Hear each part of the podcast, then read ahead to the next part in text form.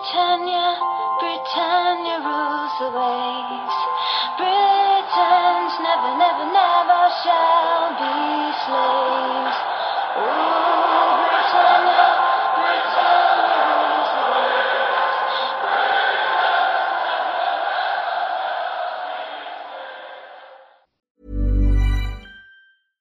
Sandra, and I'm just the professional your small business was looking for. But you didn't hire me because you didn't use LinkedIn jobs. LinkedIn has professionals you can't find anywhere else, including those who aren't actively looking for a new job but might be open to the perfect role, like me.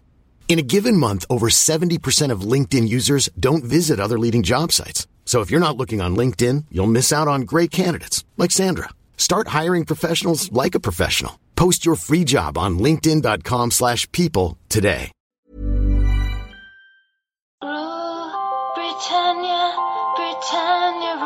The waves. Britons never, never, never shall be slaves. Britannia, Britannia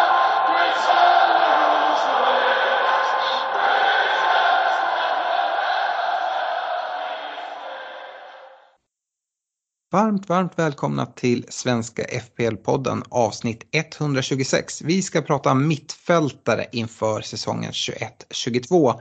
Vi spelar in tisdagen den 3 augusti så se till att hålla koll på vad som är aktuellt just nu när du lyssnar på podden och inför deadline till Game Week 1. Om du har gjort transfers eller skador och sådana saker som kan, kan dyka upp. Och uh, precis som när vi spelar in försvarsavsnittet så är både Stefan och Fredrik med mig idag. Hur är läget med dig Fredrik? Jo, men det är bra tack. Det är bra. Eh, taggad på mittfältare och, och det stora vägvalet som vi ska komma till lite längre fram här. Ja, jag gissar att du pratar om Sali, Salah eller Mané. Nej, jag skojar med dig. Det är ju såklart Bruno eller att gå utan Bruno. Eh, Stefan, eh, hur mår du? Jo, men jag mår bra. Eh, kul att vara tillbaka här i podden. Eh, andra raka avsnittet. Eh, försöka hålla upp den sviten så gott det går. Ja, det är härligt.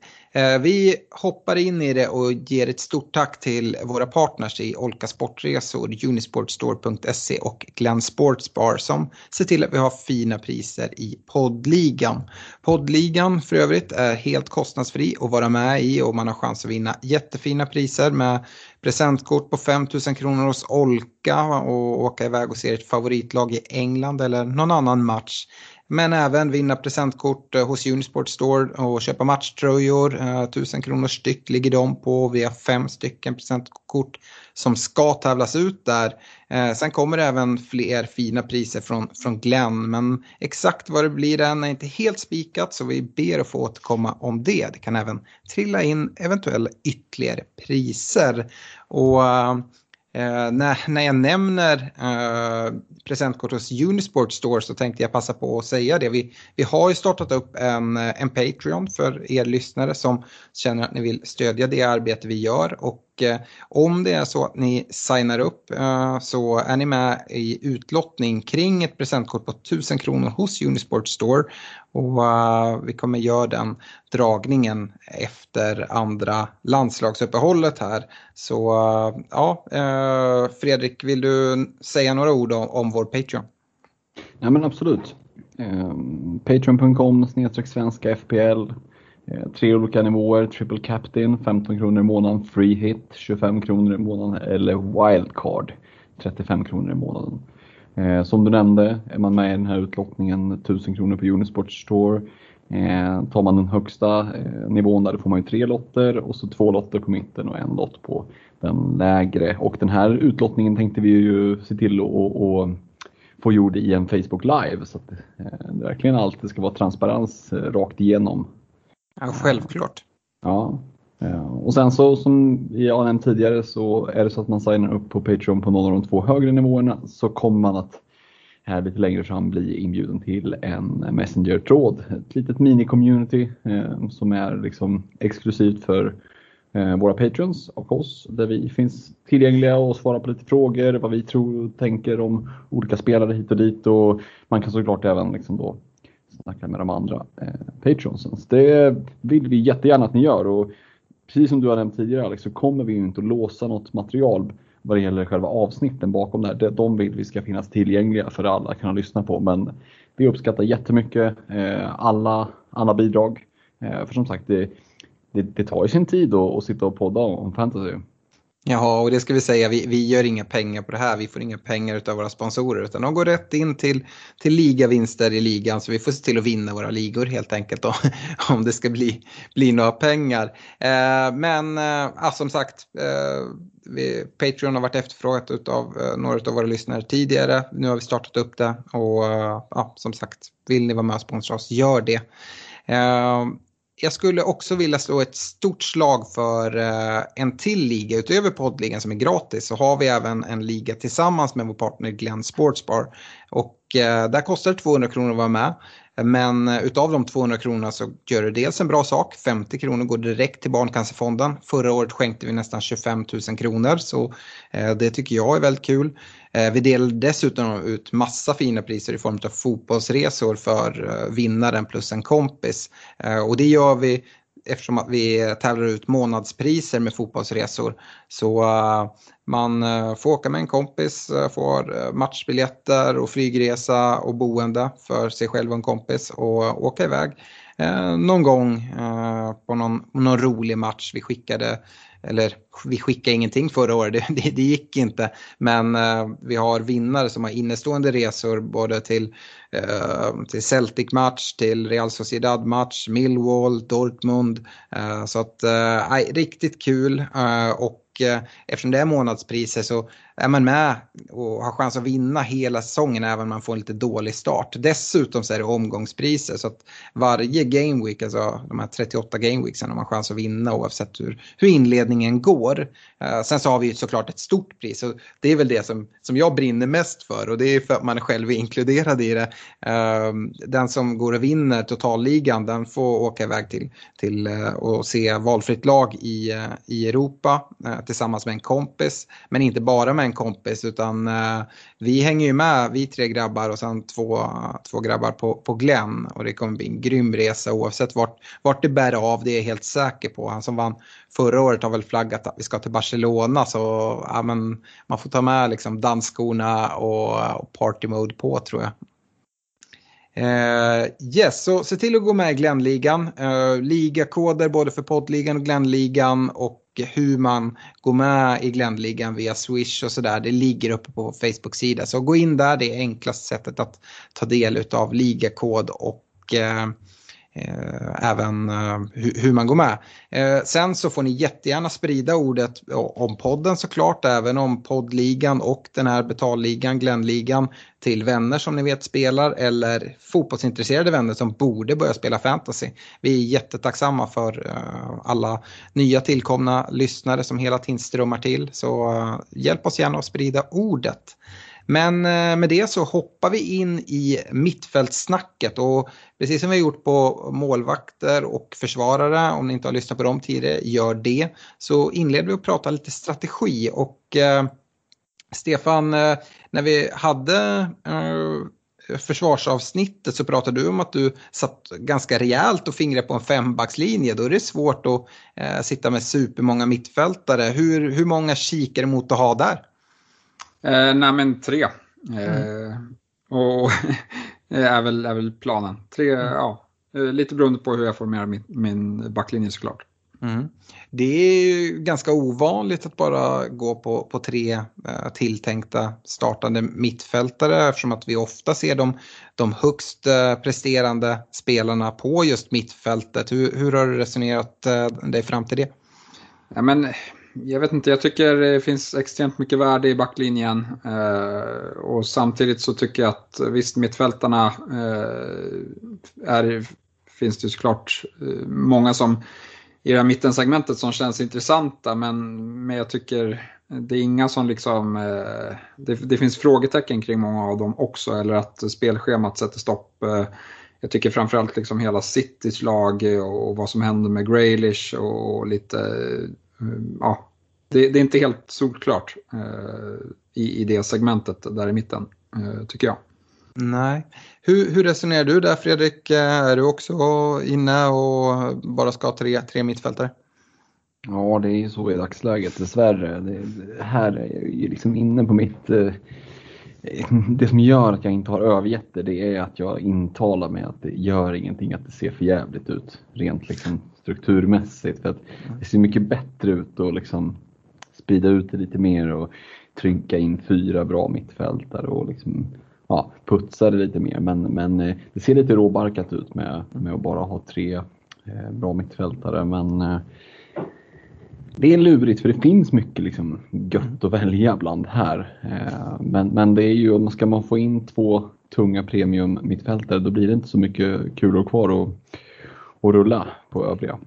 Nej, jag antar eh, liksom, genom att känna Stefan att han eh, har premiummittfältare utav de här tre, kanske till och med två stycken, vilket jag är ganska säker på. Och kanske tilltänkta kaptensval där. Men jag tycker vi hoppar in i premiumsegmentet på en gång. Och premiumsegmentet har vi valt att lägga mellan 12,5 och 9,0 och vi hittar nio spelare där. Jag har valt att göra det så och prata lite lagmässigt. Och eh, varför inte börja i Liverpool där vi har en spelets dyraste spelare i form av Mohamed Salah prisad 12,5 och även en eh, Sadio Mané som är prisad 12,0 och Fredrik, jag tänker inte ställa dem mot varandra. Jag tycker att Salah är ganska given. Jag konstaterar samtidigt att det eh, faktiskt bara är nästan 50% som sitter med Salah i, i laget just nu i, i TSBn.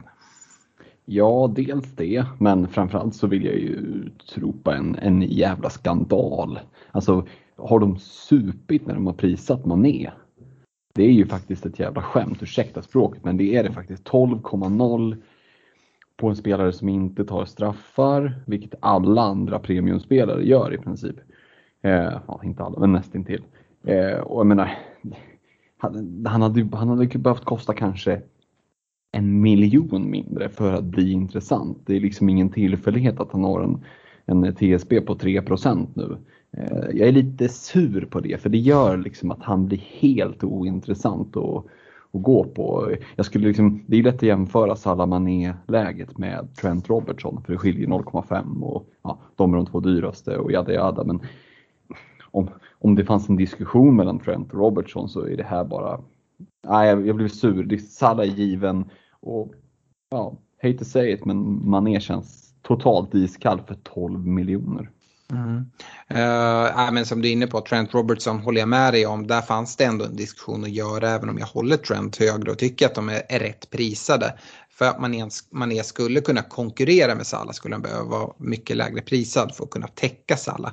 Sen finns det ju ett argument att gå hårt för Liverpool. Är det så att man bara väljer att gå på en av Trent och Robertson i försvaret eh, så kanske man ändå vill gå tungt på Liverpool med deras fina spelschema och, och till och med dubbla upp där med, med Salah, Mané och eh, i så fall förmodligen gå utan en brun och vi kommer komma till den diskussionen inom väldigt snar framtid. Men eh, ja, eh, Stefan, hur ser du på det då? Kanske liksom gå Salah och Mané ett tag för att sen kunna växla över Mané till någon annan premium mittfältare lite längre fram. Nej, men det är väl ingenting som, eller det är något jag gjort väldigt, väldigt sparsamt. Eh, jag vill ha två fina kaptensalternativ i två olika lag. Eh, och det är väl där liksom kärnan är att man kanske väljer Bruno och Sala eller Sala och eh, Kane eller hur, hur nu spelschemat ser ut och vilka man tror eh, är i form just eh, för den säsongen den här säsongen så skriver det sig lite själv när Kane liksom dels har spelat eh, EM-final och inte börjat, eh, han har väl inte ens kommit tillbaka till träningsanläggningen som han skulle för att han vill forsa en transfer till Manchester City. Eh, och liksom all osäkerhet kring honom gör ju att eh, ja, eh, de andra två eh, premiumspelarna eh, som vi har nämnt här eh, bara blir mer intressanta. Ja, absolut. Eh, men då kanske vi lämnar det som så. Eh, Stefan, är, är Salah ett måste att sitta med tycker du? Ja, men det tycker jag. Mm. Och jag, jag kan bara stämma in i det. Jag ser honom som ett eh, till, tilltänkt kaptensval i stort sett varje gameweek här eh, i början. Och, eh, han kommer vara tungt kaptenad också. Så om man väljer att gå utan honom så eh, kommer det att kosta om man levererar. Men man kommer såklart då sticka ut om man har gjort som 50% har gjort hittills och, och gå utan honom. Eh, om vi går till nästa och det är även den stora diskussionen. Salah är tvärgiven så är Bruno en spelare som är väldigt stort intresse kring. Samtidigt eh, tycker jag att där har de ju liksom prisat konkurrenterna betydligt lägre. Bruno går in på 12,0. Uh, eh, vi har en Rashford på 9,5. Rashford är skadad och kommer missa inledningen så han går helt bort. Jag tycker inte ens att vi diskuterar honom. Däremot finns nyförvärvet uh, Jadon Sancho för 9,5. Och uh, ja, uh, kan man täcka Bruno? Eh, inte såklart, jag tänker att Sancho ska kunna täcka honom helt men eh, man får ju pengar över och kanske har råd med någon annan premiumspelare och sånt. Eh, Stefan, jag vet att du har argumenterat ganska mycket för att ha Bruno. Ja, men det har jag. Det har väl att göra med liksom lite att, med vad man, att man vet vad man får. Eh, sen, sen tror jag liksom att vi kommer se färre straffar i år. Eh, dels på grund av de här inledande handsstraffarna, eh, men, men jag läste även att de skulle bli ännu hårdare i alla fall för att VAR ska gå in och tilldöma en straff. I, liksom, det, ska, det ska vara en ordentlig tackling och inga så här att eh, ja, men det fanns ett ben och, och någon snubbla på det. Eh, lite så. Så att eh, det kanske inte, Bruno kanske inte kommer få fullt lika många straffar. Eh, men, men man, man vet lite mer vad man får.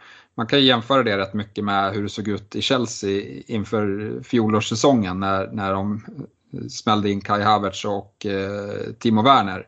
Förvisso två tyskar som kommer till, till Premier League. Sancho är ju britt, men, men liksom jag, jag ser ändå rätt stora likheter. Att det inte är helt lätt att bara komma in, även om man är ett jättelöfte och det, det kan eh, gå lite snett eh, mm. till, en, till en början. Ja, Nej, eh, sen så en av de största anledningarna till att liksom det väger mot Bruno, jag har inte helt bestämt mig här, men det som väger mot Bruno att det är ju väldigt mycket enklare att sitta med Bruno och sen bestämma sig, ah, Sancho han flyger, gud vad bra han går. Och sen så byter man ut Bruno och tar in Sancho och så har man lite pengar att leka med för att liksom investera på övrigt håll. Än tvärtom, att man börjar med Sancho och det kanske inte riktigt flyger för honom. Uh, så ja, det är väl det som också kan väga. Sen tror jag så här, är det så att Sancho kommer göra supersuccé i United, då kommer Bruno vara inkluderad i poängen med, med assist och, och sådana saker. Så att, uh, ja, jag vet inte. Det, jag tror att vi alla har suttit där och liksom kollat vad kan jag göra om jag inte går för Bruno. För det handlar ju inte om att gå på Bruno eh, eller Sancho. Det går ju till och med att gå ännu längre ner om du vill ha United-täckning. Jag vet att folk har, har kikat mot en Greenwood nu när Rashford eh, kommer missa starten. Vi, vi, har en Pogba, det är viss osäkerhet, blir han kvar eller inte? Men United spelade som allra bäst eh, förra säsongen när, när Pogba flyttades ut till vänster på Rashfords plats. Och nu är Rashford borta. Uh, är det så att uh, Pogba liksom finner sig och fortsätter spela i United, kliver ut till vänster, Sancho till höger, då en Pogba, vi kommer komma till honom, men prisad 7,5 precis som Greenwood blir ju plötsligt ett alternativ. Ehm, men det svåra är som sagt att ångra sig och hoppa på Bruno-tåget när man inte har honom. Det är svårt att hitta pengarna. Ehm, Fredrik, eh, i en sån här viktig diskussion vill jag ändå även höra, höra din syn på det och, och bolla in dig. Ja, men jag tycker att du, du nämner många viktiga delar. Eh, och det finns väldigt många liksom, kloka, rationella argument för att ha Bruno. Att, liksom, det är ett ganska safe pick, det är väldigt template. Det är, liksom, det är att sitta lugnt i båten och sådär. Eh, det som är lite synd sådär med, med Bruno, det är väl att eh, United och Liverpool inte roterar så himla bra vad gäller kaptensmässigt. Då är ju faktiskt Liverpool och Spurs mycket, mycket mer liksom kompatibla rent rotationsmässigt för kaptensbinden. Mm. Eh, de är väldigt kompatibla. Första sex omgångarna så är det mumma att sitta och växla mellan, mellan Spurs och Liverpool. Till skillnad från mellan Liverpool och, och eh, United. Då går det ju såklart att argumentera för att Salah och, och Bruno är liksom vet, de är immuna mot dåliga spelscheman och det är väl till viss del sant. Men eh, det är en liten sån där aspekt att man hade kunnat liksom få till det lite ytterligare så att de hade växlat bra, men det gör de inte. Så finns ändå ett case här. Liksom. Men lägger du en Bruno och en 4-5, då är du 16,5. Det, det kan du igen istället då lägga på, på um, ja, en Jadon Sancho och få liksom någon annan mittfältare för 7 miljoner och vi kommer ju komma dit och där finns det ju bra mycket bättre spelare än de du får för 4,5. Mm. jag ska spela lite djävulens advokat och, och säga det att Brunos avslutning av förra säsongen inte kanske var speciellt bra och det brukar man gå mycket på när man, när man väljer till inledning av kommande säsong. Dessutom hade han det kanske lite tufft i EM i, i, i Portugal och blev bänkad där mot slutet. Uh, ja, vad, vad säger du till de som kommer med de argumenten för att kanske ändå chansa att gå lite utan Bruno? Ja men det är ju de argument som finns. Eh, sen tror jag att eh, Bruno är nog jäkligt revanschsugen utifrån att liksom inte ha fått spela lite så mycket som han kanske räknade med i, i EM. Det gick inte så jättebra. Visst, förra, sluta förra säsongen, men ja, jag vet inte. Jag tror att han är, är sugen och han har ju fördelen av att han behöver inte vara speciellt bra spelmässigt utan ja, han kan plocka sina poäng på typ straffar eller liksom lite assist och ja, med något skott här och var. Och så, så att han är, han har ju bevisade ju förra säsongen att han plockade ju faktiskt en del poäng även när han inte var superbra spelmässigt. Mm. Eh, nu har vi avhandlat Sala, alltså United och Liverpool och Sala och Bruno som är liksom de två högst ägda spelarna i, i mittfältssidan och i, i spelet generellt. Men eh, om vi går till Manchester City vi hittar vi en del premiumalternativ även där. Stefan Kevin De Bruyne för 12, Sterling 11 och Mares på 9,0 som vi också har med då som, som, som premiumspelare. Eh, vi var inne på det med Salah och Mané, att Mané kanske var prisad för högt för att ens kunna konkurrera med Salah. Jag tycker detsamma går att säga om Sterling som är prisad 11 och De Bruyne 12. Hur, hur tänker du? Nej men det är klart att jag tror De Bruyne känns lite förbisedd men, men han är ju absolut någon som kan straffa en.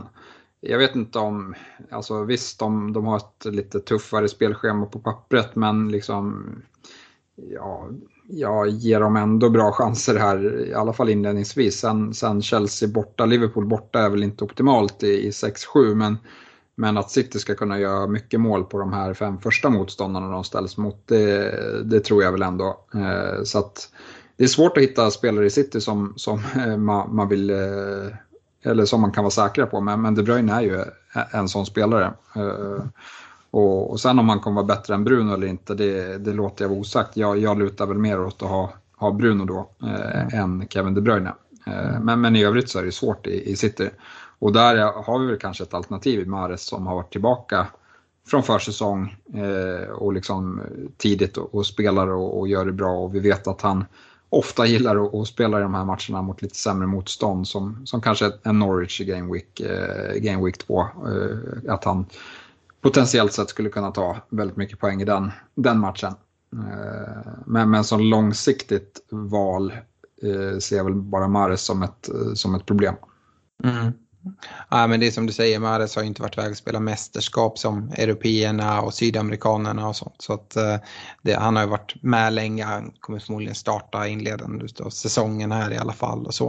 Eh, mm. Sen som du är inne på, man pratar tuffa spelscheman. Det är Manchester City vi pratar om. Dessutom som du är inne på, första fem, det är Tottenham, Norwich, Arsenal, Leicester, Southampton, det är första fem det är inte ett tufft spelschema för Manchester City. Eh, att alltså, i sexan och sjuan ha dubbla bortamatcher mot Chelsea och Liverpool, absolut. Sen är de avklarade. Eh, och liksom, ja, jag vet inte hur mycket man ska kolla på spelschema. City är ett superbra lag eh, och Kevin De Bruyne ska väl alltid övervägas. Eh, hur, eh, hur har du tänkt kring Manchester City, Fredrik? Ja, men det är kanske egentligen inte spelschemat framförallt som, som avskräcker mig utan det är men dels att det har varit lite små skavanker och eh, sen att många spelare gick långt i sina mästerskap. Eh, den här pepproletten är jag livrädd för. Alltså visst, du kan liksom förutspå att Riyad Mahrez startar i Game Week 1. Eh, och det är mycket möjligt att han gör det och så står du och känner att ja men fick jag honom från start och så byter han ut honom i matchminut 59. Och så startar han inte omgång två. Eh, det är ju liksom inget omöjligt scenario. Eh, så det är snarare rouletten jag liksom avvaktar lite på. Eh, men det är klart att man måste ju vara beredd att kliva in eh, i City-tillgångar helt klart. Mm. Men sådär från Game Week 1, men en De Bruyne som har varit skadad till och från. Vi utgår från att han kommer att starta i, i Game Week 1 men ja, jag vet inte om jag är beredd att, att chansa. Vad säger du Alex? Nej, alltså jag har inte varit där och, och fingrat men det är alltså det, det är precis som Stefan säger, det är en spelare som absolut kan straffa en. Eh, men då får man väl kliva över på honom eller liksom så. Eh, och det är också ett alternativ till att, att ha Bruno eh, om man nu inte går på en sit, alltså De Bruyne eh, istället. Det är väl också den möjligheten att växla över. För det är svårt att, att gå från en Jadon Sancho eller en, en, en sån för den delen som vi också ska komma till nu. Eh, City inleder ju Game Week 1 mot Tottenham och Eh, den enda premium eh, som vi inte avhandlat än, som, som vi benämner då 12,5 till eh, 9,0 är ju en sån prisad 10,0 i spelet. Och eh, ja visst, de har en tuff match eh, mot, eh, mot City i, eh, i Game Week 1. Eh, men sen så har de några fina matcher och lite så här blandat. Eh, Son, han brukar göra poäng eh, när, när han spelar och eh, det råder en del oklarheter kring vad som händer med, med Kane nu då. Men eh, om Kane försvinner så finns det goda chanser att Son spelar forward. Samtidigt så eh, har han ju haft ett väldigt fint samspel med just Kane. Eh, Stefan, hur resonerar du kring en eh, Jong Min Son? Jag tycker det är väldigt svårt för han har ju han, vi brukar ju vara vana att han är iväg med landslaget och, och håller på, men, men, nu har han ju faktiskt inte varit det. Är tillbaka tidigt i försäsong, har gjort en hel del poäng också eh, på Spurs försäsong. Så att han kommer nog gå in i den här säsongen och vara i, i riktigt bra form. Eh, och liksom, om man bortser från första matchen som eh, ja, men ett City som kliver högt upp och, och liksom, som kanske kan få en utdelning där. Men sen är det, sen är det ju tre fina matcher för, för Son att utnyttja. Eh, så att, nej, jag tycker det är en svår, svår spelare att få in i bygget eh, med tanke på prisklassen och att, eh, att jag i alla fall gärna vill ha Salah och Bruno i laget och då blir det svårt att få in en sån också. Men, men absolut en spelare som som intresserar mig här i inledningen. Mm. Eh, Fredrik, du får också resonera gärna lite kring sån, men eh, jag skulle även vilja ställa frågan till dig där. Hur ser du på, säg att man lyssnar på det här avsnittet eh, i, i nästa vecka och Kane har fått till sin flytt till City. Hur tycker du det påverkar sån? Som jag säger, förmodligen tilltänkt straffskytt då i ett Spurs. Han eh, kanske kommer spela forward en, en hel del beroende på hur det investeras men eh, samtidigt tappar han sin radarpartner. Ja men det är väl lite det att det är väl eh, lite för, liksom, för bra för att vara sant att de ska kränga iväg Kane för en miljard och inte köpa in en ny anfallare. De kommer väl att liksom, panikvärva någon. Förmodligen någon sån här obskyr eh, spanjor för 800 miljoner som, som har gått en halv bra säsong i något mittengäng i, i, i La Liga för att alla vet om att de sitter med, med en miljard. Um, jag, jag, tror att det är negativt för Son om Kane lämnar, även om han får flytta fram i banan. Precis som du är inne på så har han haft ett bra samspel och det är ganska ofta förra säsongen som det var just Kane som serverade Son.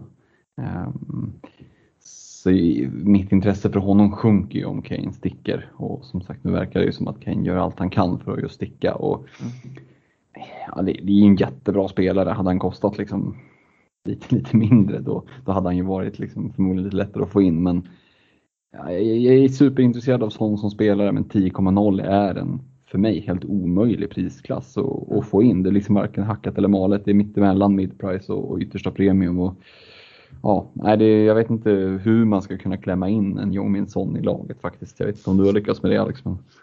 Det är ju när man sitter där och kollar på att gå utan Bruno. Uh, och då tror jag att spelare som Mares och Son är sådana spelare som, som man klickar i lite enklare. Men har man både Sala och Bruno är det tufft att liksom, uh, trycka in de här. Det påverkar verkligen uh, ditt försvar och, och, ditt anfall och övriga mittfältare också för den delen. Så att eh, det, det är tufft. Ehm, jag tycker ändå vi rör oss vidare till mediumsegmentet och det finns många intressanta där. Just mediumsegmentet ligger 8,5 till 6,5 och vi kan väl fortsätta där och, och, prata lite city och möjliga övergångar för att eh, jag tycker att nästan Graylish ska nämnas som en City-spelare just nu. Eh, prisad 8,0. I City hittar du även en Foden för 8,0, en Gündogan, eh, Bernardo Silva nej, Gündogan för 7,5 och Bernardo Silva och Torres för 7,0. Men eh, vi kanske ska fokusera på Graylish här i första hand. Uh, jag säger att jag ser honom som en City-spelare och det bygger på att Villa har värvat in både Buendia och en uh, Davis från, från Leverkusen. En Bailey på? Bailey, ja Leon Bailey. så det kan väl inte vara så att Villa kan göra de investeringarna utan att släppa en Graylish va Stefan? Nej, det känns som att vart kommer alla de pengarna ifrån eh, sånt fall. Eh, lite så. Eh, och då, gör, då det snurrar till det ännu mer för att eh, ja, men, liksom City med, med Graylish och nej, jag vet inte fasen alltså. Han, han, jag tycker han är grym. Eh, och jag ser ju liksom att ja, men om vi pratar Sterling tidigare, han var ju bänkad i slutet av förra säsongen. Sen gjorde han ett bra EM för, för eh, England, men, men eh, om man liksom, de, det är väl de, de spelar väl lite på samma position, eh, mm. ser jag det som i alla fall. Och, och då tror jag Pep eh, väljer Graylish eh, före, eh, just på grund av att hans liksom, egenskaper med boll mm. och passningsspel. Så. Mm. Så nej, jag tycker det är jättesvårt. Han, han, han i sitt eh, är väl kanske någon som jag kikar på mer än, än Kevin De Bruyne. Eh, mm. Vi, eh, vi, kan ju även avhandla Grealish som en Villa-spelare också om det så. Det är ju så att Villa har ju väldigt rika ägare men jag tycker liksom just positionen när de värvar in spelare på också säger en del. Inte bara att de värvar mycket.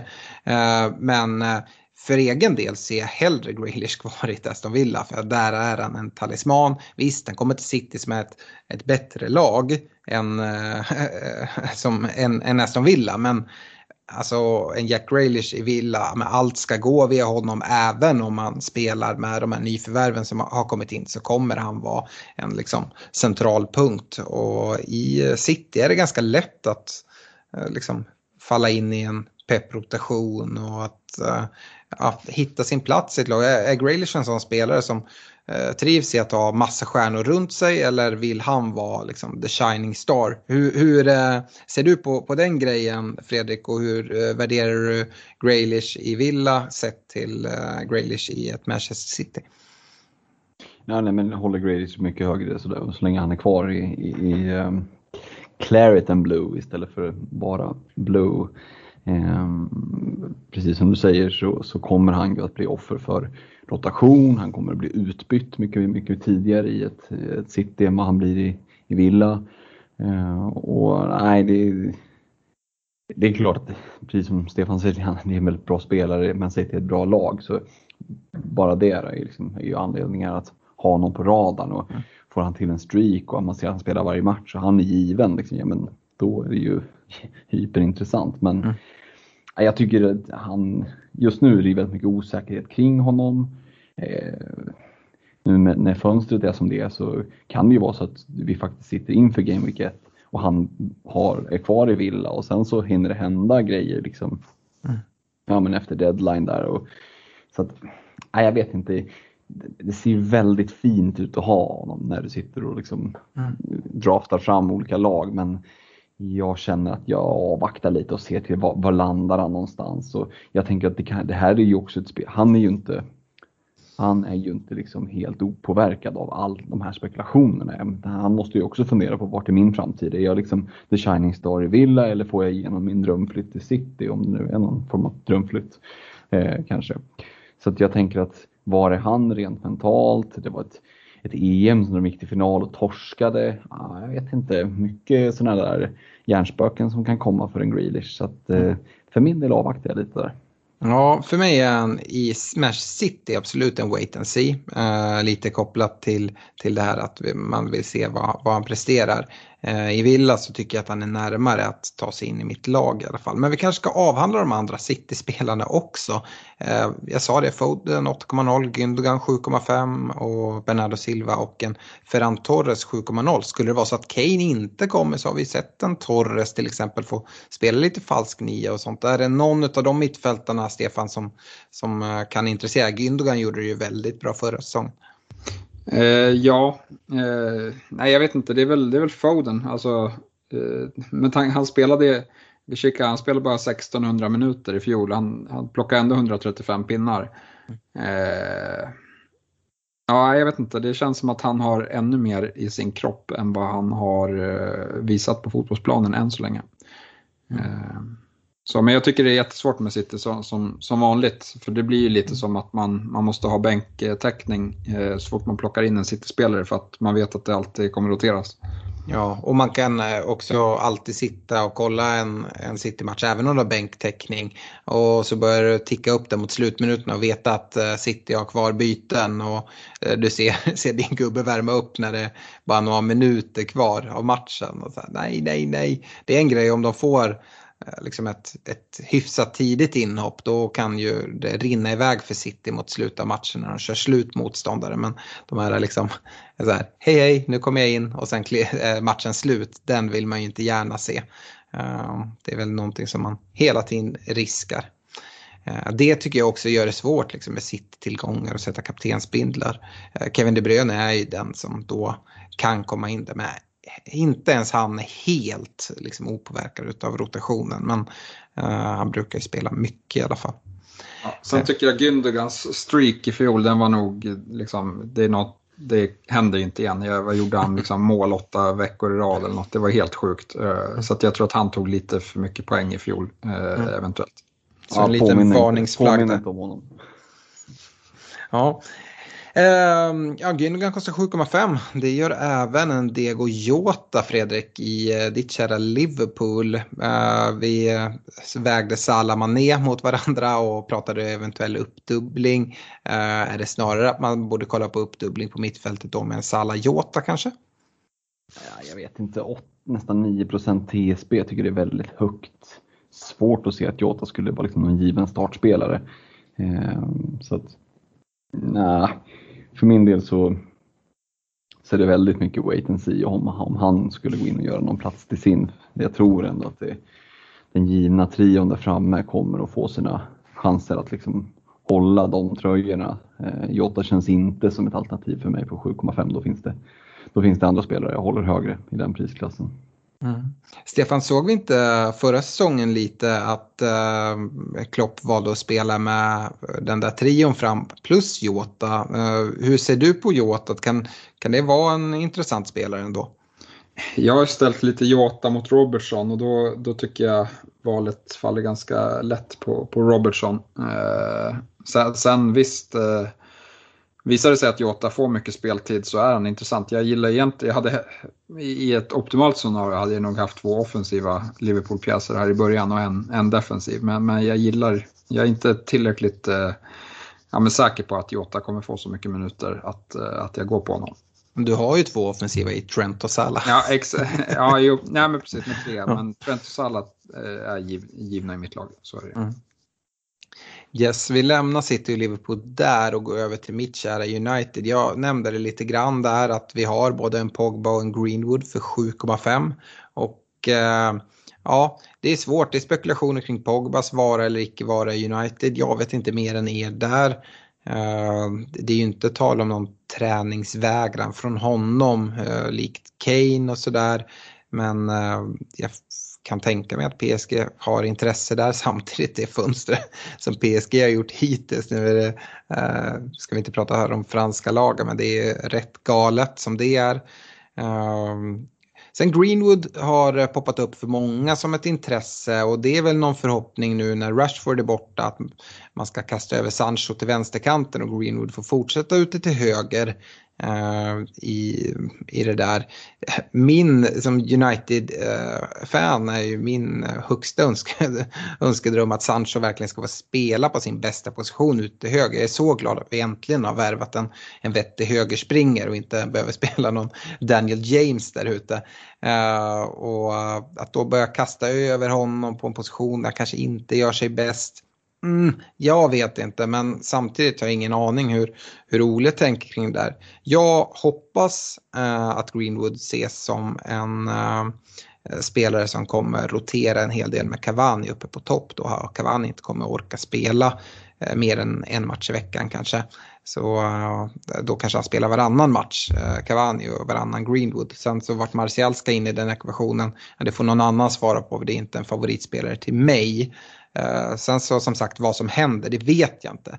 Uh, kan vi börja med dig Stefan, hur ser du på Pogba men kanske framförallt en Mason Greenwood som uh, ändå pratas en del om i FBL-communityt? vi får inte glömma bort att ni har Messi Lingard i truppen också. Mm, det har vi fortfarande. Eh, nej, men jag, jag, jag, tycker det är svårt och det är, liksom, vi, nu har vi varit inne på det några gånger, men, men i år så stänger ju faktiskt transferfönstret eh, efter säsongen har börjat. Eh, och liksom det, det var, så var det inte i fjol. Eh, och det tror jag kommer bara liksom, ja, potentiellt sett orsaka ännu mer tidiga transfers och wildcard som ryker här i början. Men, men vi vet ju inte med Pogba och, och men, men, som du säger, liksom, får han spela där ute på vänster så absolut ett alternativ för 7,5 och det är nog någon jag rutar lite mer mot än, än Greenwood i, i dagsläget. Men, men jag vet inte om intresset för någon av dem är så här glödhett. Fredrik, hur ser ditt intresse ut? Vägrar du spela United-spelare utöver Bruno?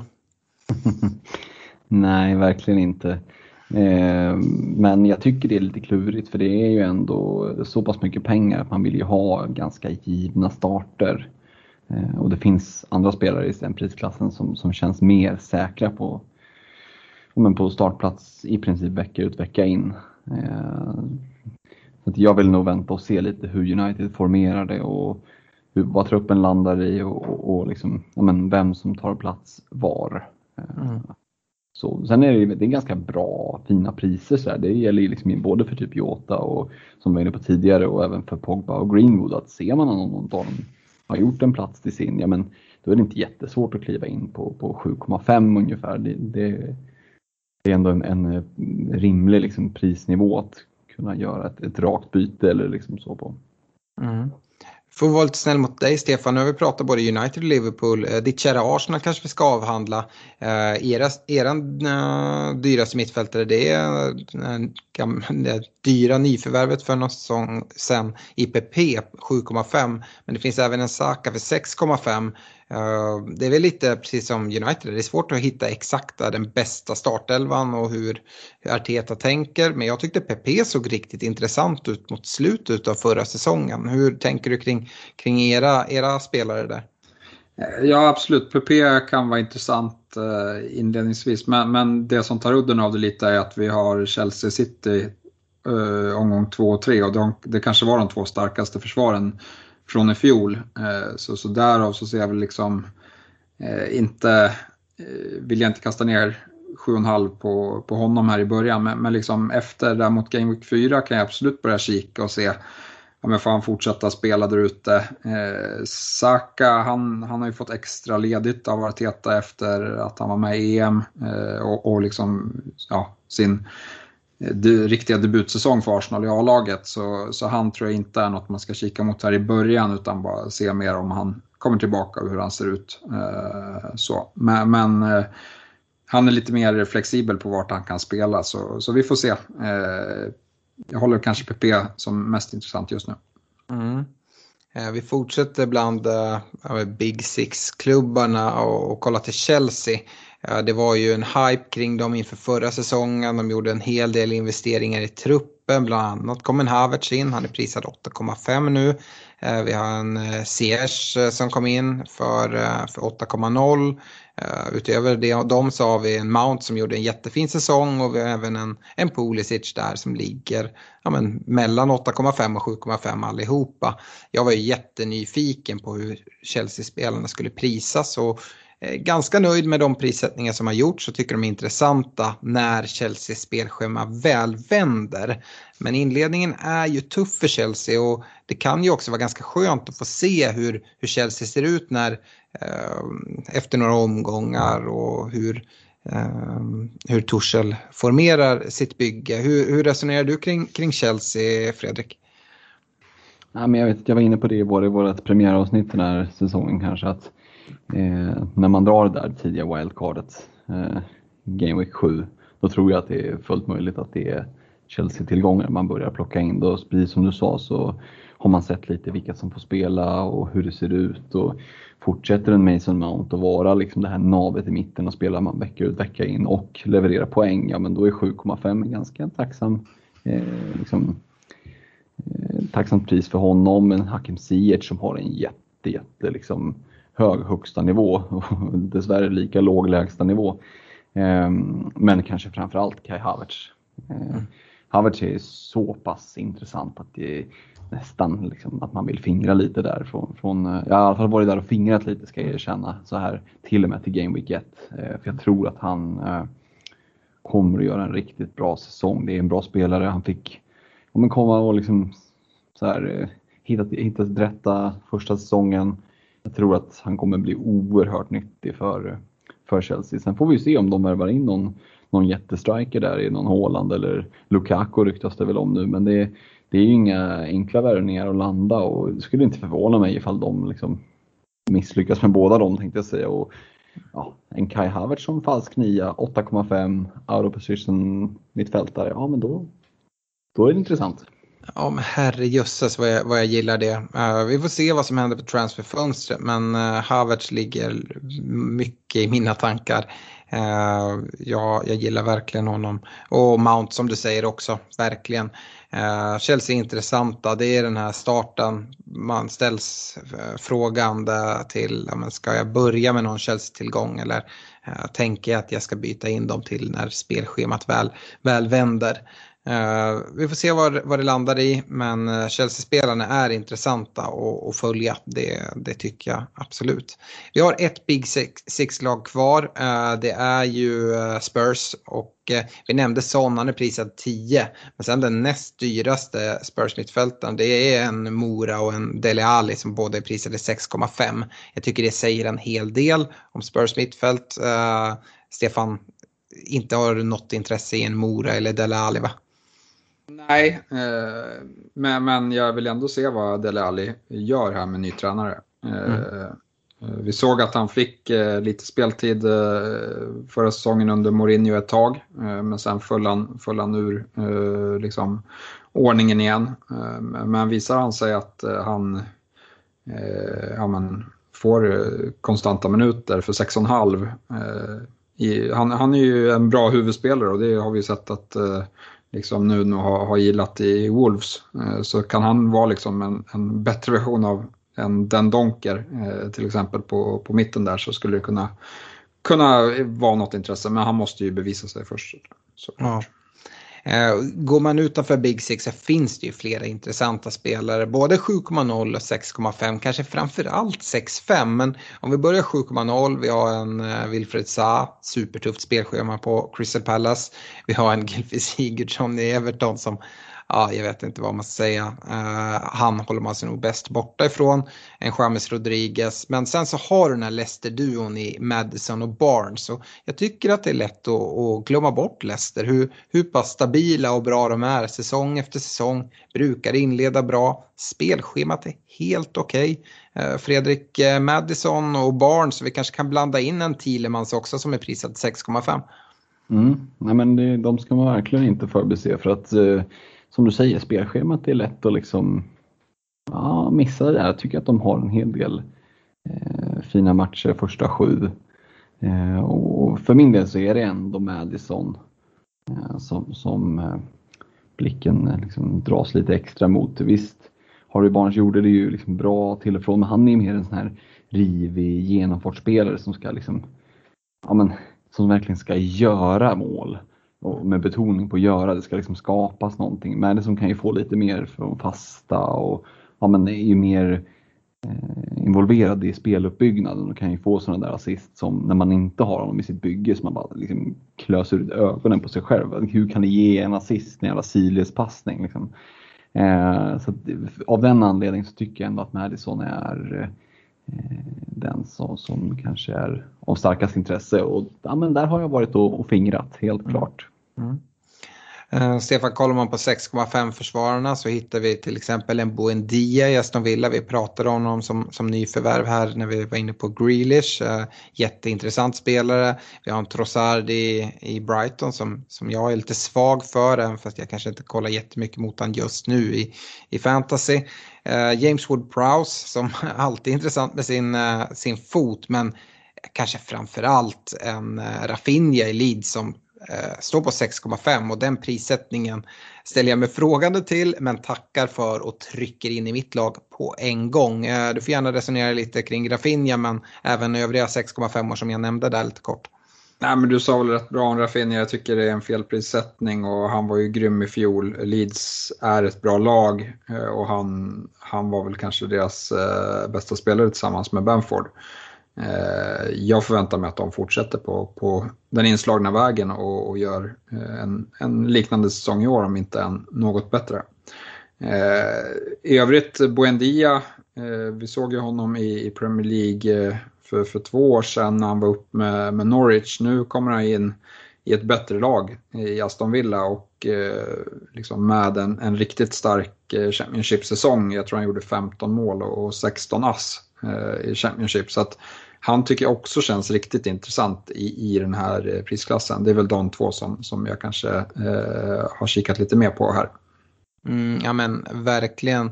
Uh, vad säger du Fredrik? Rafinha, Leeds, absolut. Men man brukar säga den liksom lite tuffare andra säsongen. Är det någonting du är rädd för? Nej, egentligen inte. Det är 6,5 men det är, liksom, det är så billigt så att smakar inte, smakar inte den mackan lika bra så är den fortfarande prisvärd. Liksom. Eh, jag tycker att det är en no-brainer och har Rafinha och för, kan inte förstå hur han ändå har en så pass eh, låg TSB. Eh, han låg på 22 procent och visst det är ju mycket liksom, men det är, bara, det är liksom, ja, men lite drygt var femte bygge. Fyra av fem byggen har inte honom. Och jag kan inte se det framför mig för att det, ja, det kanske är spelschemat då som lite sa att det är lite tufft i början men mm. nej, eh, han känns given. Men jag tycker Buendia är värd och liksom ett, ett extra omnämnande. Det som är lite lurigt med Villa det är att det ser så himla bra ut eh, i början, tre första matcherna och sen kommer liksom döden på beställning vad det gäller spelschema, tufft spelschema.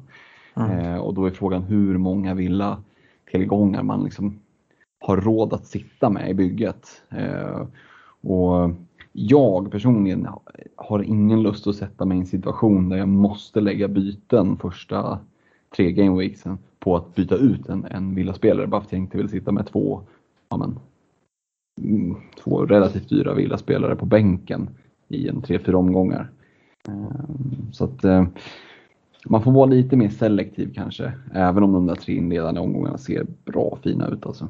Mm. Ja, men gällande det här, både att uh, Rafinha då har en vad du kallar för låg ägarandel, den är ändå ganska hög tycker jag. Det är den fjärde mest ägda eh, mittfältaren av alla i spelet just nu efter Salah, Bruno och Graylish. Men eh, alltså, det spelschemat spelar säkert in. Uh, säkert folk tänker, ja men jag tar in den efter Game Week 3. Eh, med Boendia tvärtom, att det kanske är så att ja, men, eh, starta med Boendia de här tre, sen byter jag till Rafinha. Mitt tips är, gå inte för långt fram i tankarna det kommer hända saker från ert Game Week 1-lag där någon skadar sig, det är någon som helt plötsligt blir bänkad eller någon inte alls ser bra ut. Det kommer liksom, du kommer behöva använda bytena för andra saker än de här liksom förplanerade bytena som du ska göra i Game Week 5-6. Eh, det hinner ändras jättemycket och du kanske drar ett wildcard liksom i Game Week 3 eller 4.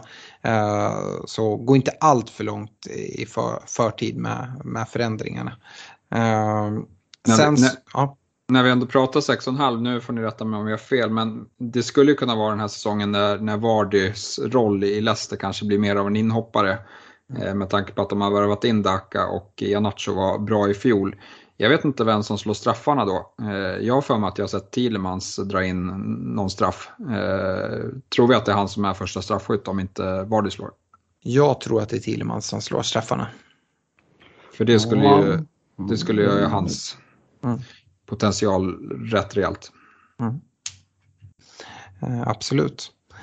Eh, ja, men jag tycker vi har avhandlat medium där, eh, eller medium mittfältarna och går ner på budget. Och där går man ner till 6,0 och så de billigaste kostar ju 4,5. Jag tycker inte det finns supermånga här.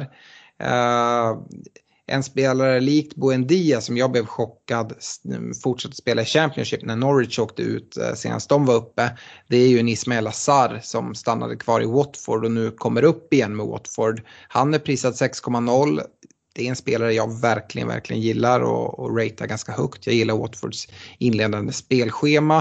Uh, jag tycker också att en uh, Harrison i Leeds gjorde en jättebra säsong här senast och också sticker ut bland, bland 6,0 alternativen. Stefan, eh, de här 6,0 tycker du att eh, det är några som är värda att prata om eller är det några andra du vill prata mer om? Nej, men jag tycker det är svårt att, att liksom förbi Cesar. Vi, vi såg att han, han har vad som krävs för att spela i Premier League eh, när de var upp senast. Eh, I liksom glim, glimtar. Eh, nu vet jag inte exakt hur han var i Championship, men, men liksom med, med deras inledande spelschema här på, på liksom 6-7 omgångar så det, det är inte så mycket som kan gå fel med en 6,0 eh, mittfältare eh, som, som vi vet eh, kan göra det riktigt, riktigt bra. Mm. Eh, det, som också ska sägas här det är ju att eh, jag, jag, valde att inte nämna en eh, Jared Bowen på 6,5 nivå när vi var där uppe i West Ham. det är för att vi har fina val på 6,0 i West Ham. Ben Rama, Zuzek, legenden, Lanzini och, och Fornals. Fredrik, vad säger du om West Ham mittfältarna? Mm, ja, men där kan det finnas eh, Eh, någonting att hämta. Nu, nu, tycker jag väl kanske att eh, eh rent så här liksom primärt i Game Week 1 så kanske det snarare är eh, backar och anfallare som, som det känns riktigt heta. Eh, men eh, det är inte omöjligt att vi får se en sån som Ben Rama få sitt stora genombrott och, och då, då är det en riktigt mummig priskategori att bara kliva rakt in i och, och hova in billiga poäng. Mm. Nej, eh, West Ham har ju ett fint spelschema tycker jag. Uh, Zuzek är väl en sån där spelare, han var ju så extremt många byggen förra säsongen men då var han ju prisad betydligt lägre. Så det var ju liksom en anledning. Nu är det inte så att han är dyr med 6,0 men eh, jag ser han ju liksom inte som att det är någon man måste trycka in i laget. Hur, hur, hur tänker du Stefan? Nej, eh, jag får väl, sen, sen vet vi inte där heller. De, de borde vara rätt sugna på att värva tillbaka Lingard kan man ju tycka eh, mm. efter det han gjorde för dem i, i fjol. Mm. Eh, men nej, jag, jag, vet inte. Jag kommer nog sitta med, med två West Ham-gubbar som, som Fredrik var inne på. Fast mm. inte en mittfältare och jag är inte så jättesugen på trippla eh, i, till en inledning här. Hörde jag Cresswell och Antonio där? uh, yes, uh, Aston Villa tycker jag ändå går att nämna en Traoré och El Ghazi. Uh, sett till att Grealish kanske försvinner. Samtidigt som sagt har det gjorts uh, värvningar där. Kikar ni någonting mot, mot dem? Nej, jag vet inte. Det, som du säger, värvningarna kommer ju nog få sina chanser där. och, och Visst, eh, de grabbarna du nämner, de, de gjorde ju en del mål båda två, men det är väldigt mycket rotationshot där och jämför du då med liksom Ismail Azar som är stjärnan liksom i Watford så tycker jag att det känns liksom givet att gå på före. Eh, sen ska vi nämna någon som jag tror kommer bli ganska förbisedd som jag är lite nyfiken på att se. Det är ju nyförvärvet i Spurs, eh, Brian Gill, eller Gill, som de egentligen bytte rakt av mot Erik Lamela. Eh, 20-åring, riktigt lovande. Och vem vet, det kan vara ett stort genombrott. Samma sak där, 6,0. Där knallar jag gärna in och, och, plockar, eh, och plockar bra poäng. Om det är så att han slår igenom och spelar till sin startplats i Spurs så kan det vara en, en billig väg in där. Ja, jag, jag är försiktigt, försiktigt skeptisk. Eh, men Stefan, någon som jag är lite mer nyfiken på det är en eh, Emil Smith Road prisad 5,5 i Arsenal. Har väl fått också Mesut Özils 10 i laget. Borde väl indikera på att eh, det är en startspelare som Arteta ser i honom va? Ja, i nuvarande trupp så är han ju tokgiven. Eh, sen eh, ryktas det ju väldigt mycket om att det ska in en offensiv kreatör eh, till eh, i Arsenal. Sen får vi se om de löser den spelaren eller inte. Eh, men med, liksom, med, med dagens trupp, eh, absolut, eh, han är intressant. Eh, sen, sen som sagt, ja, inledande spelschema gör väl att man får se vad som händer och man kanske väntar på det där transferfönstret ska stängas för att dels så är det många som ryktas på väg in i Arsenal men det är även många som ryktas eh, ska bort också så att eh, där jag tycker i Arsenals del så både spelschema och eh, truppmässigt så, så avvaktar i alla fall jag och ser vad, vad, vart allt slutar innan jag tar ett beslut. Mm. För mig är det i alla fall så att på 5,5 och 5,0 nivån på mittfältet så, så är det Emil Smith Rowe eller ingen. Eh, och jag skulle i samma ögonblick vilja höja ett jättevarningsfinger för en Stuart Dallas i Leeds som jag tycker har helt galet dopade eh, ägarandelssiffror på 17,4 procent. Eh, vi ska alltså lägga till då att lägger du till en miljon får du Rafinha för 6,5 då en Harrison på 6,0. Jag tror att många kollar på hans poäng från förra säsongen men då har han ju fått poäng för nollor eh, och det kommer han ju, han får en poäng för en nolla. Visst, Dallas gjorde det jättebra förra säsongen och lite så här fantasy legend på något sätt. Men äh, jag ser verkligen inget värde i, i Dallas där på 5,5. Kanske kommer få äta upp det eller vad säger du Fredrik? Nej men eh, som sagt det, det, det, är en helt annan liksom, helt andra förutsättningar när han kliver upp på mittfältet nu. Så att, eh, och 5-5 är en svår eh, priskategori så att äh, han finns inte i mina tankar överhuvudtaget. Eh, och jag håller med dig om att det är 5-0, där är det ganska tunnsått. Alltså, som Liverpool-supporter så är man ju van vid den här solovåraren i Naby Keita som alltid ser fin ut på försäsongen. Eh, och ser ut som den spelaren som man betalade en halv miljard för. Eh, och hade han kunnat vara den skadefri och den spelaren under säsong, då hade ju 5,0 varit eh, bra. Jag tror han kostade 8 miljoner när han kom in, eller 7,5 kanske när han kom in första gången. Men eh, skadebenägen och får inte till det i Liverpool tyvärr. Eh, men har ju oerhörd potential. Vi får se om han blir kvar till att börja med eller om han går någon annanstans. Men eh, eh hade han spelat som han gör under försäsongen då hade han för 5,0 helt klart kunnat ha varit något att, att överväga. Nu tror inte jag att det blir så. så att, där, därmed håller jag mig borta. Men ja, det är värt, värt ett omnämnande i alla fall utifrån ja. de försäsongsmatcher han har gjort. Det handlar också om att binda upp en Liverpool-plats på en, på en sån spelare och DVD också som talar emot det ytterligare. Mm. Uh, nej, men då får man nästan... Ingen, mm. Ja, du tror ingenting på Curtis Jones att han kan ta ytterligare kliv? Uh. Jo, men det tror jag absolut. Eh, och jag tror att han kommer få mer speltid. Men det är tajt på det där mittfältet och du ska putta undan då en Thiago, en Fabinho eller en Henderson som jag tror kommer vara den, den givna starttrean. Men det är klart att eh, Wijnaldum är, är eh, ute ur leken. Det har inte kommit in någon ny. Det har ju ryktats väldigt mycket om ja, men, eh, massor med olika spelare. Uh, en, Renato Sanchez, en, eh, en Juri Thielemans som vi var inne på tidigare, var aktuellt tidigare. Men vi får se, kommer det inte in någon mer mittfältare, Nej, men då är ju Jones en sån som också skulle kunna få ett genombrott. Och jag vill nog hävda ändå att utifrån hur prissegmenten eh, liksom, ligger på Liverpool-spelare så jag förstår vad du säger Alex, att binda upp den här tredje spotten på Liverpool kanske inte är optimalt, men skulle en Jones eller ja, men liksom, en Keita, bara rent hypotetiskt, göra en mittfältsplats till sin så är ju 5,0 en väldigt billig väg in i ett Liverpool-mittfält för en spelare. Eh, jag, jag väntar i alla fall tills jag ser dem göra den där platsen till ja, sin och jag är, här är jag inte ens försiktigt skeptisk eh, utan här, här jag, jag tror inte på det helt enkelt. Um, jag vet inte om det är United-hjärtat som talar men uh, det, det känns verkligen som att vi liksom på långskott och vi håller på och verkligen sträcker oss nu. Uh, istället tycker jag det man kan prata om det är 4,5 år. Stefan, du var inne på att du sitter med tre mittfältare. Då antar jag att du kommer ha någon riktig billig mittfältare. Hur, hur ser du på 4,5 orna? Det är inte så att de, de glimrar direkt men uh, ja, hur ser 4,5 segmentet ut? Nej, men man kan ju få spelare som är rätt givna. Eh, Bizuma framförallt eh, är väl, är väl den, den mest eh, givna. Sen vet jag inte hur given Brownhill är, men, men eh, det, är väl, det är väl också någon som jag har kikat mot där. Mm. Ja, Fredrik, har du någon 4,5 som du gillar mer än någon annan? Eh, nej, men det är väl de två framförallt som, som Stefan nämner, Bizuma och Brownhill. Eh, vi får väl se lite längre fram när Norwich kommer ur, ur skärselden där som de ska igenom i början. Men Billy Gilmore från, som kom från Chelsea eh, är ju spännande. Se om han kan kliva in och, och göra någonting där.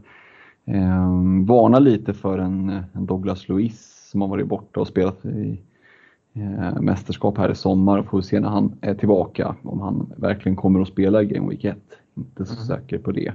Men jag vill säga det är ju tunt. Alltså det, det, det är ingen jättekvalitet rent fantasymässigt. Så att, eh, det, det, ska ju vara folk som sitter på bänken och kommer in med sina två poäng ifall du tvingas använda dem. Och det var väl lite det jag tänkte, den här varningen för Douglas Luiz, absolut, kanske inte spela första, första gameweeken, men det är kanske inte hela världen för en 4,5 mittfältare. När han är tillbaka ser jag honom som en startspelare i Aston Villa. Och då får man ju ut ungefär lika mycket som man får med en Bissoma i, i Brighton. Det blir något gult kort här och där. Eh, det är ungefär det man kan, kan räkna med. Samtidigt så det är någon som bara ska sitta där och, och fylla en plats egentligen och ändå få något poäng om man behöver använda honom. Uh, jag personligen, om man då ska prata det, jag, det är Brownhill som jag kanske håller högst utav 4,5 i Burnley. Sett till hans potential om han får spela i, i Burnley så har han ganska goda chanser till att, att ta offensiva poäng.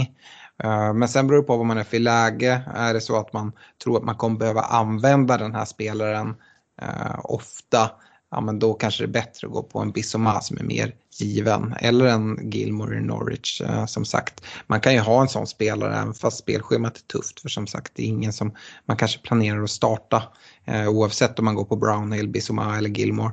Eh, så jag tycker inte man behöver kolla allt för mycket på spelschema. Eh, det är egentligen mina resonemang kring 4,5orna.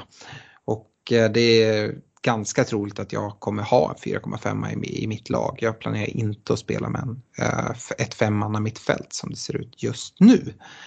Uh, ha, eh, vi har väl avhandlat mittfältarna här och vi, med det så ska vi säga att det kommer ett avsnitt här också de närmaste dagarna som där vi avhandlar anfallarna. Eh, och då har vi gått igenom alla positioner och spelare som vi tror på. Eh, vi, eh, vi kommer även komma med avsnitt där vi pratar mer om våra lag. Vi har redan nu snuddat lite på vilka spelare som kanske eh, i alla fall gett ganska tydliga indikationer på vilka det är som aspirerar på att ta sig in i lagen. Men det kommer ett avsnitt där vi presenterar våra eh, privata lag så som de ser ut bara någon dag innan deadline för Game Week 1. Vi kommer även köra någon Facebook Live där ni får möjlighet att, att ställa lite sista frågor kring kring truppbyggen och spelare och sådana här saker. Så följ oss på Svenska FPL-podden eh, på Facebook så missar ni ingen livesändning eller så där. Och hjälp oss jättegärna att sprida ordet om podden ytterligare och våra fin, fina ligor och missa inte att gå med. Eh, som sagt, kika jättegärna in på vår Facebook-sida och läs mer om ligorna och prisborden där. Eh, med det så tackar jag för mig och på återhörande. Ha det bra! Ha det bra! Ha det gott, ciao!